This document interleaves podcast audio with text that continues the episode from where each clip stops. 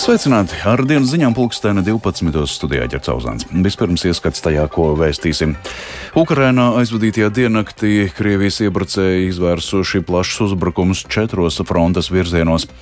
Rīgā zinību diena aizvadīts samērā mierīgi. Latvijā atcelti mizgraužu izplatības ierobežošanai ieviestie meža saimnieciskās darbības ierobežojumi. Par šiem tematiem turpinājumā plašāk.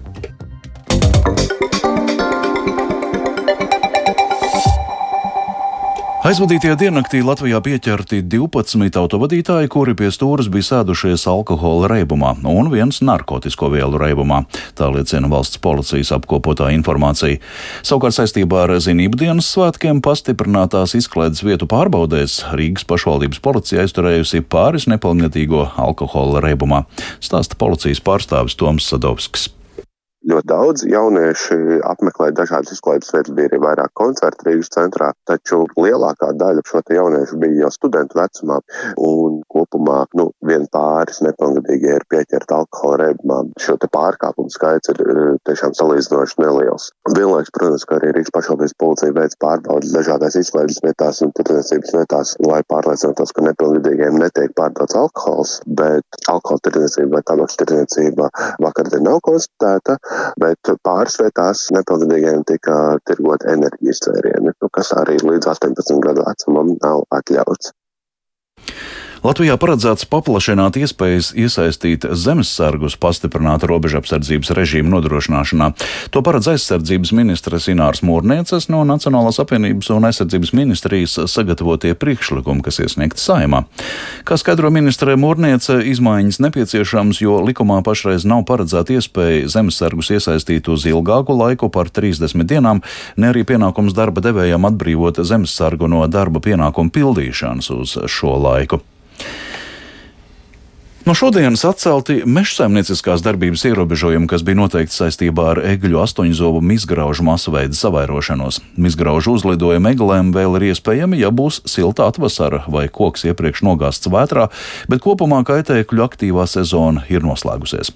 Vienlaikus meža dienestā norāda, ka meža īpašniekiem jāturpina egļu mežaudžu aizsardzības pasākumu visā Latvijā. Plašāk Sintīs Ambots ierakstā. Iepriekš noteiktiem izgraužu ierobežošanas pasākumi ir atcelti no 2. septembra, bet vēl divus mēnešus līdz 31. oktobrim ir noteikta aizsardzības pasākumi mežaudzēs, kurās valdošā koku suga ir eigle.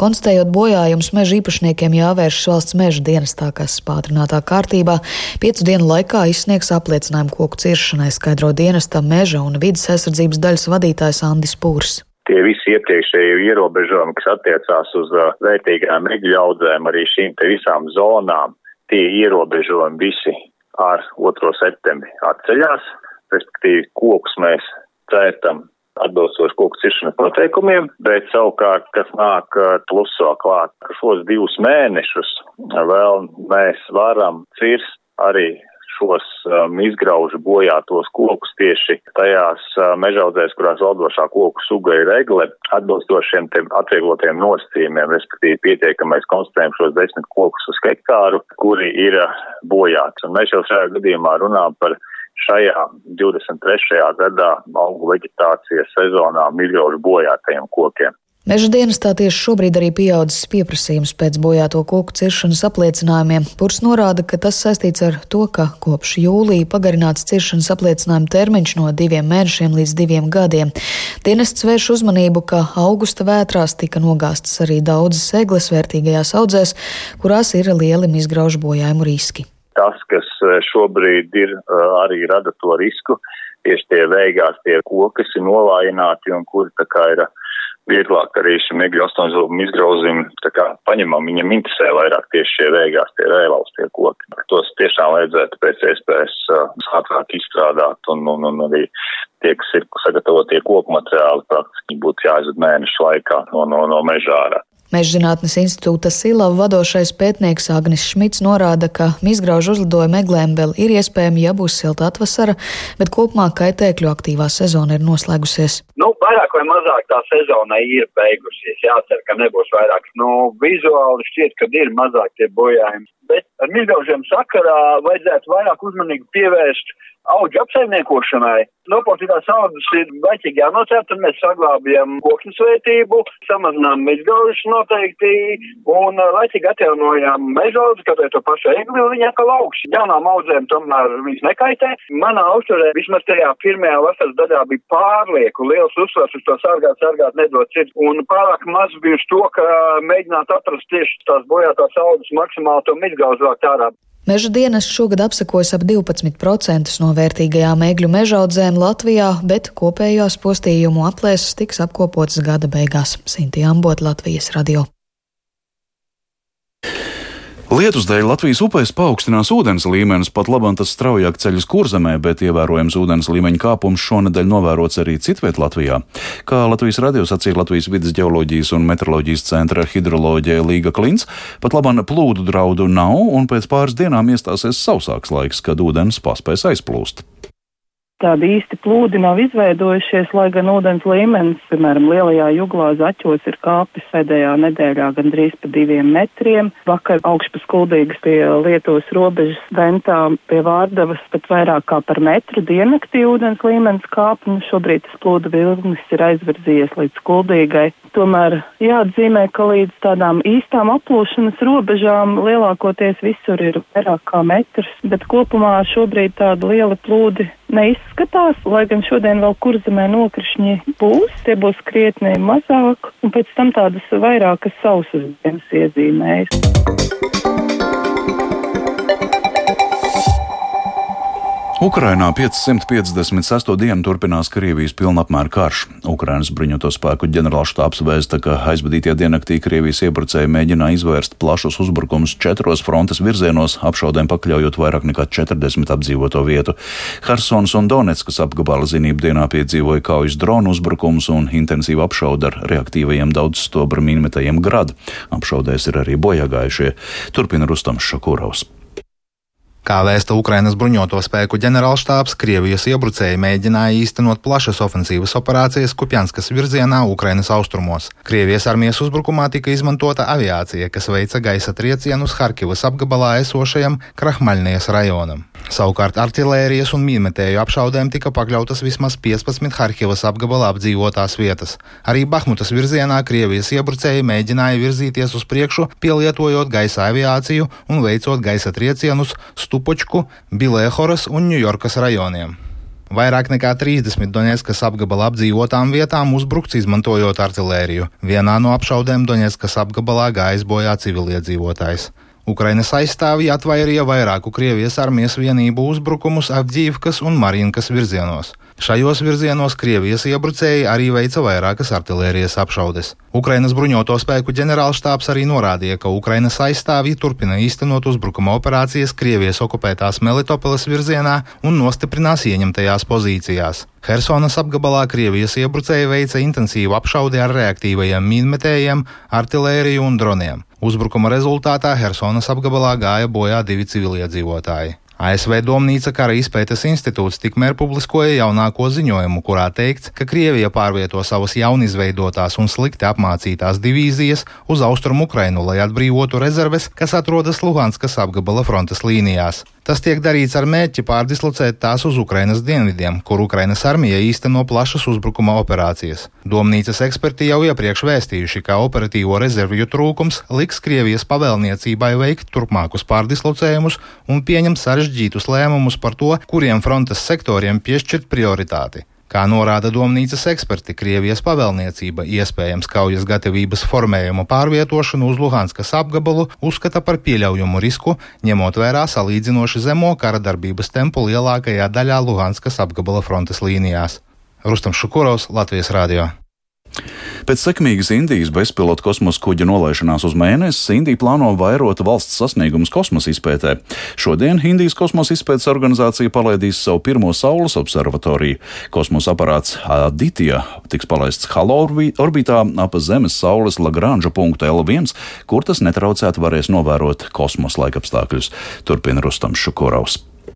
Lagranža punkts L1 atrodas aptuveni pusotra miljona kilometru attālumā no Zemes. Saules observatorijas tradicionāli tiek sūtītas uz turieni. Indija nav pirmā valsts, kas tur nosūtīs izpētes moduli, taču šīs valsts kosmosa industrijai tas ir nozīmīgs pavērsiens. Uz kuģa Aditya L1 tulkojumā no hindi valodas aditija nozīmē saule, ir septiņas lietderīgas kravas, jeb iekārtas, kas ir paredzētas Saules attālāko slāņu, fotosfēras un homosfēras novērošanai, tostarp izmantojot elektromagnētiskā lauka un daļiņu detektorus. Šīs iekārtas palīdzēs izpētīt faktorus, kas ietekmē kosmosa laikapstākļus un uzlabos izpratni par Saules vēja dinamiku.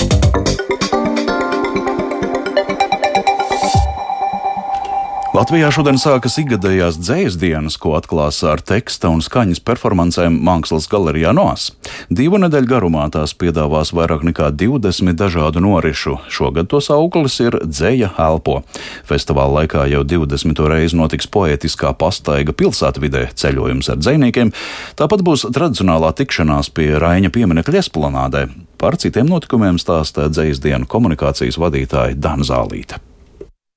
Noteikti jāmin, ka dzējas dienas ir startautisks festivāls un ik gadu uzņem viesus, un šogad tie būs īru autori, kuru dzēju sastāvd būs iespējams 7. septembrī Latvijas Nacionālajā bibliotekā. Festivālā viesosies arī mūsu tuvākie kaimiņi, Igauņu un Lietuviešu autori. Tas paredzēts Baltijas dzējas vakarā 5. septembrī. Festivālam garām paskrēs no fakts, ka šis ir lībiešu kultūras mantojuma gads, tādēļ festivālā šogad būs dzirdama arī dzēja lībiešu valodā. Un um, festivāla noslēgumā tradicionāli tiks pasniegta dzīs dienu balva par uh, labāko dzīs un atzīs krājumu. Un vēl par sportu. Tenisista Ļona Stāpenko ASV atklātā čempionāta trešajā kārtā ar 4-6, 6-3 un 6-3 uzveica ASV pārstāvu Bernardu Peru. Ceturtajā kārtā, jeb astotdaļfinālā, Latvija tiksies ar pasaules pirmo raketi Higu Šjonteku no Polijas. Uz Stāpenko tagad Ņujorkā atlicis vien startēt vienspēlēs, jo dubultspēļu sacensībās pārī ar ukrainieti Ludmilu Kičēnoku viņa zaudēja otrajā kārtā. Pāri īstu izrādi zanākušajiem līdzutējiem šorīt Ņujorkā parūpējās serbs Novaks Džokovičs, kurš smagā cīņā tomēr sasniedz nākamo kārtu, un par šo spēli vairāk stāsta Mārtiņš Kļavinieks. Pasaules ranga otrais numurs Serbs Džokovičs ASV čempionāta cīņā par astotdaļu finālu stājās pretī tautietim Lāslo Džerem. Pirmajos divos setos Džokovičs zaudēja ar 4-6, bet nākamajos trijos parādīja raksturu un prātī izrautu uzvaru.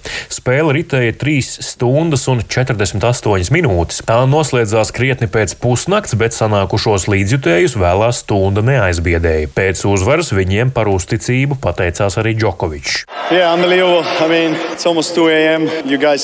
Tas ir neticami. Ir divi no rīta, bet jūs palikāt tribīnēs. Lielākā daļa skatītāju palika. Par to paldies no manas sirds dziļumiem. Ceru, ka izbaudījāt izrādi. Man gan tā nebija tik baudāma. Īpaši spēles pirmie divi seti. Viena no manām grūtākajām spēlēm šeit vairāku gadu laikā. Milzu uzslavas Lāslo par spēlēšanu tik augstā līmenī. Credit to Laszlo for playing uh, some of the best tennis that I've ever seen him play. Tenisa lietpratēji uzskata, ka gandrīz 4 stundu cīņa, kas noslēdzās ap diviem naktī, varētu ietekmēt turpmāko Džokoviča ceļu pretī titulam Ņujorkā. Viņš pats gan pēc spēles šādas bažas nosauca par nepamatotām, jo esot pierādījis, ka viņa ķermenis arī 36 gadu vecumā var izturēt šādu slodzi. Džokoviča pretinieks nākamajā kārtā būs ASV čempionāta debitants kvalifikāciju pārvarējušais Horvāts Borna Gojo. No ranga pirmā desmitnieka tenisistiem astotdaļu finālu Ņujorkā sasniedz divi mājnieki - pasaules devītā rakete Taylors Frits un ranga desmitais numurs Francis Tjafo.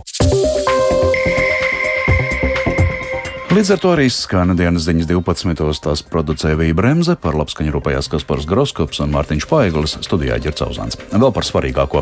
Ukrainā aizvadītajā diennaktī Krievijas iebrucēji apšaudījuši vairāk nekā 40 apdzīvoto vietu. Lietus dēļ Latvijas upēs paaugstinās ūdens līmenis, bet plūdi nedraud. Rīgā zinību diena aizvadīta samērā mierīgi. Atcelti izgraužu izplatības ierobežošanai ieviestie meža saimnieciskās darbības ierobežojumi. Ostāpenko sasniedz ASV čempionāta astotdaļfinālu un to grūtā cīņā paveic arī Džokovičs. Kā ziņo Latvijas vidas geoloģijas un meteoroloģijas centrs, Rīgā šobrīd 18 grādi, dienvidrietumu vējš 5 m2, atmosfēras spiediens 762 mm un gaisa mitrums 70%. Šodien Latvijā mākoņēns, daudz vietā arī īslaicīgs lietus, brīžiem skaidrojas, bet citu vietu arī pārko negaiss. Rietumu dienvidrietumu vējš 4,9 m2, piekrastē brāzmās līdz 15 m2, gaisa temperatūra 16,21 grāds. Rīgā arī palaikam lietus, palaikam skaidrojas. 18, 19 grādi un laika tips šodien otrais - labvēlīgs.